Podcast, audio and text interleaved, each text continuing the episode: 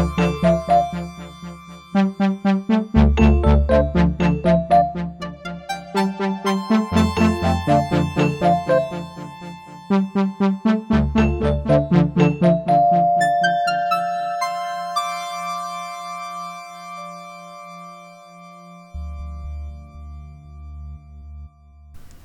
U luistert naar de podcast van Uitgeverij Pluim. Want ook dit voorjaar gaat Uitgeverij Pluim het Nederlands boekenlandschap weer iets mooier maken. Immers daartoe is Uitgeverij Pluim op aarde. En nu heb ik drie keer Uitgeverij Pluim gezegd. En met deze erbij vier keer. Dus dat weet u nu wel. Hoogste tijd voor degene zonder wie een uitgeverij een lege huls is, de auteurs. Mijn eerste gast is Lodewijk, beter bekend als L.H. Wiener. Lodewijk, welkom. Leuk om hier te zijn. En alvast gefeliciteerd, want uh, volgend jaar wordt het Wienerjaar. Uh, niet alleen word je 65. Dat is wel erg groot aangekondigd, maar uh, ik zeg geen nee. Nee, zeg geen nee. Nee, laten we nou daar gewoon eens mee beginnen. Niet alleen word je 75, maar je krijgt ook een prachtig cadeau op je verjaardag. Zei het dat je het zelf al weet, want je hebt het zelf geschreven. Um, wat verschijnt er? Ja, eerst dat ik een prachtig cadeau krijg, daar ben ik het niet zo mee eens. Ik vind eerder dat ik de uitgeverij een cadeau Kijk. Uh, en, en, hopelijk, en hopelijk, ja, je bent me voor, en hopelijk het lezerspubliek. Ja. Uh, maar het is toch wel een cadeau, want het wordt zo mooi uitgegeven, gebonden. Het is een klein boekje, maar het is schitterend gedaan. En wat wordt het voor boekje? Het is een, een verhalenbundeltje, 110 pagina's, dus mm -hmm. uh, gering van omvang, maar kan je garanderen eerste klas werk. Eerste klas werk. Is het um, werk wat je speciaal voor deze bundel geschreven nee, hebt? absoluut niet. Nee, het gaat, som, sommige stukken zijn jaren geleden geschreven. Het titelverhaal bijvoorbeeld. Uh, de zoete inval heet het. Ja, dat is ook de titel van het, uh, van het uh, boek en van het verhaal. Ja. Dat is al zes jaar oud. Aha. Ja.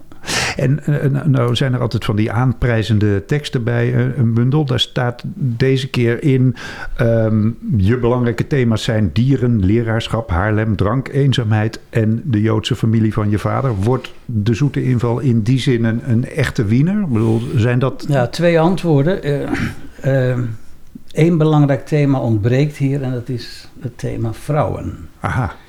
Uh, de verering van Quirina T. is een van mijn romans. Het gaat Ja. helemaal over een jonge vrouw. Een vroege roman. Nee, niet vroeg. Nee, Nee? nee. Dus uit 2006. Oh ja. dat is natuurlijk wel alweer 13 jaar geleden. Ja. Eh, Nestor, dat is een bekroond boek. Ja. Dat kan je ook een roman noemen. Daar komt eh, de seksuele initiatie van de hoofdpersoon in voor. En daar komt dus de vrouw op een hele aparte manier langs. Dus dat is echt een thema ook. Ja. Ja. En het tweede deel weet ik niet meer. Wat vroeg je? Ja, nee, ik, ik Ja, een echte wiener. Ik kan toch niet wiener- anders? Hoe, Nee. hoe kan ik nou een onechte wiener schrijven? Ja. Ik ben LH Wiener, dus wat ik maak, dat is wat ik op mijn best kan. En dat is dus altijd een echte wiener. ja, zoals Reven zei, wie moet ik anders herhalen als hij dat verwijt kreeg? Ja. Ja. Carmichelt zei het nog mooi. Meneer Carmichelt, u leest altijd voor uit eigen werk. Eh, hoe vindt u dat? Ja, wie ben ik om uit andermans werk voor te lezen? Nooit vergeten. Ja. Eh, Het is wel ter gelegenheid van je 75ste verjaardag. Zijn er, eh, zijn er in de loop der tijd thema's bijgekomen? Nee, nee. Als je 75 bent en je hebt dan nog niet al je thema's gebruikt, dan is er nog weinig hoop. Nee. Want de ouderdom op zich is niet, niet een thema voor je. Nou ja, een zinnetje als, eh, als ik me sta te scheren en wie is die oude kop daar in de spiegel, komt er herhaaldelijk voor je. Nou, dit is niet eh, origineel, maar dat ik 75 word, dat kan ik helemaal niet bevatten. Nee? Nee.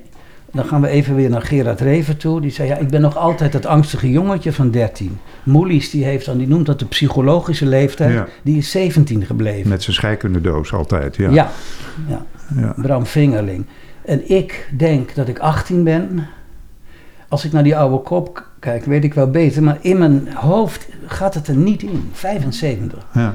Als jij dus hopelijk ooit 75 wordt, dan zal je begrijpen wat ik bedoel. ja. Ja, dat is heel, een heel on- ontwricht, eh, ontwrichte observatie. ja. En heeft eh, het ouder worden veel met je schrijven gedaan? Als je terugkijkt, je zegt dit zijn verhalen die er gedeeltelijk al, al langer liggen. Zie je, zie je daar een ontwikkeling in? Nou, dat dat titelverhaal al zes jaar oud is, dat komt omdat ik geen verhalenbundel aan het schrijven was, maar andere dingen deed. Er is Hm. een brievenboek uitgekomen en nog meer dingen. Ik Hm. ga er nou niet verder op in. Dus dat hoopt zich op. Die verhalen, die, die zijn er op een bepaald moment eh, een boek. En wat je vroeg van. eh, eh, De ontwikkeling daarin.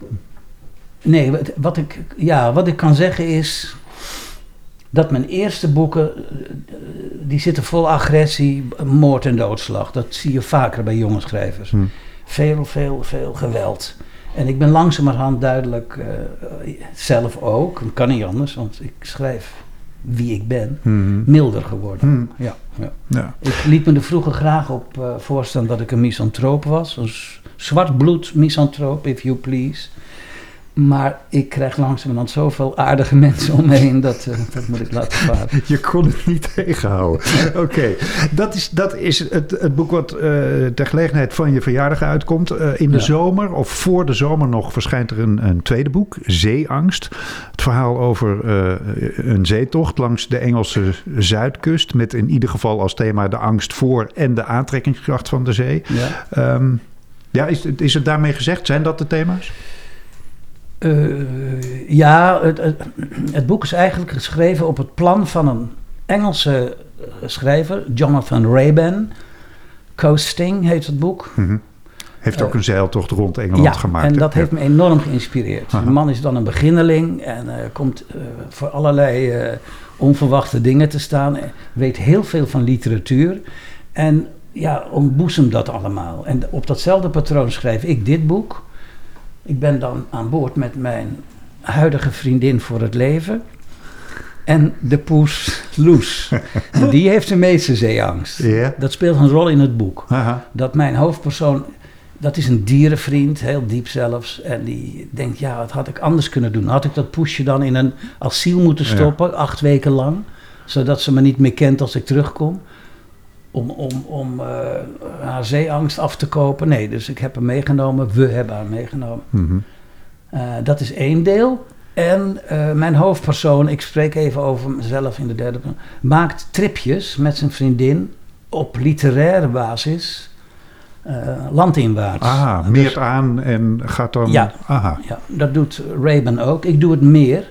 Raven is meer de filosoof, ik ben meer de reiziger. Mhm. En dan gaan we naar het graf van Malcolm Lowry, een van mijn literaire helden. Under the volcano. Under the Volcano. En we gaan naar de plek waar Virginia Woolf de rivier de Ouse is ingelopen. Mhm. Om er een eind aan te maken.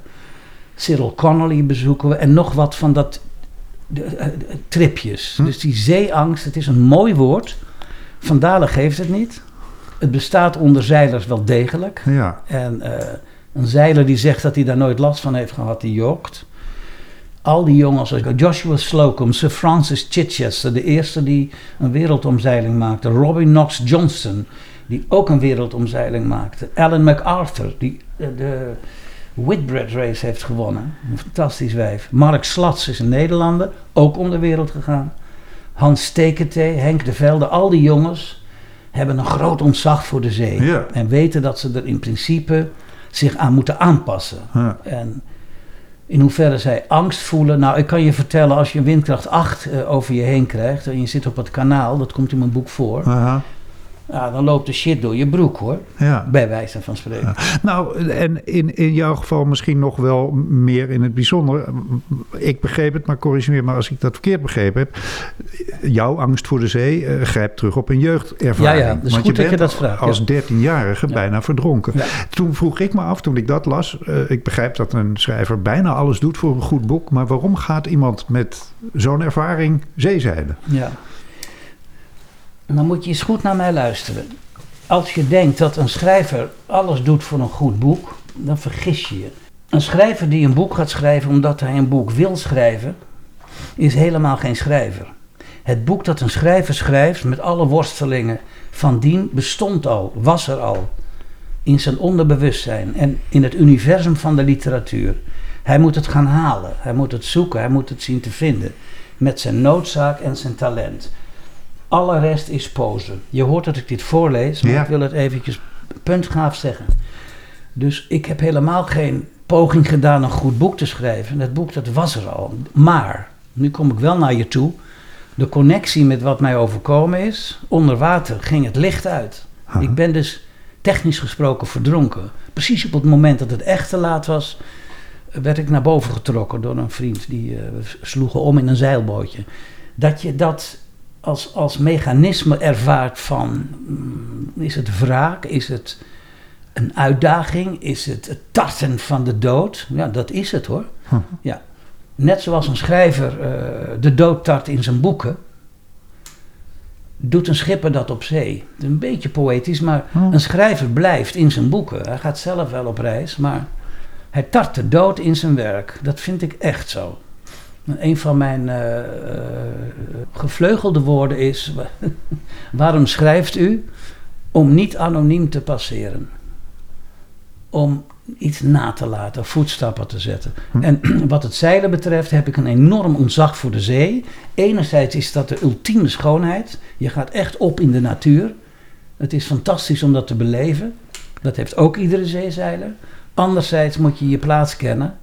En ben je echt niet de baas. Je moet je aanpassen en je moet ervaring hebben. Huh. Wat daarbij komt, en dat is een, een, een, een eh, belangrijk eh, facet in het boek, is ik heb last van het wat als syndroom. Dat betekent dat ik denk als, ik, als we varen, gaat het goed. Wat als ik een container raak? Wat als ik op een balk? Wat als, als de manchet van mijn saildrive motor losgaat? Dan komt er zoveel water in de boot, dat kan een, dat kan een pomp van een brandweer niet blussen. En dat heb ik voortdurend. Aha. Dus dat is een soort- ultieme voorzichtigheid. Hm. Ja, en dat moet je hebben. Als je overmoedig bent, ga je eraan. Maar zou je dus kunnen zeggen eh, dat als je nou, zegt zit wel lekker op mijn, op mijn praatstoel nu. Hè? prima, heel goed, eh, eh, dat, dat- dat als het boek er al was, dat het misschien wel ontstaan is op dat moment dat je bijna verdronk? Ja, dat vind ik een goede observatie.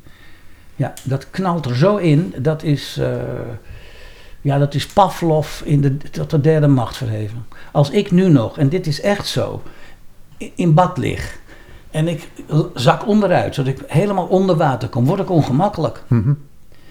Ja, dat, en ik ben nu dus bijna 75. Ja. Ja. Dat, is, eh, dat gaat er nooit meer uit. Eh, zwemmen vind ik vervelend. Ik wil in het water zijn. Veel zeelieden hebben dat hoor. Die kunnen niet eens zwemmen. Hè? Mhm. In het water zijn, dat eh, vind ik vervelend. Op het water vind ik heerlijk. ja. Ja. En erover schrijven dus ook. Twee boeken. De Zoete Inval verschijnt in februari. En voor de zomer nog Zeeangst van L.H. Wiener. Dank je zeer, Lodewijk. Oké.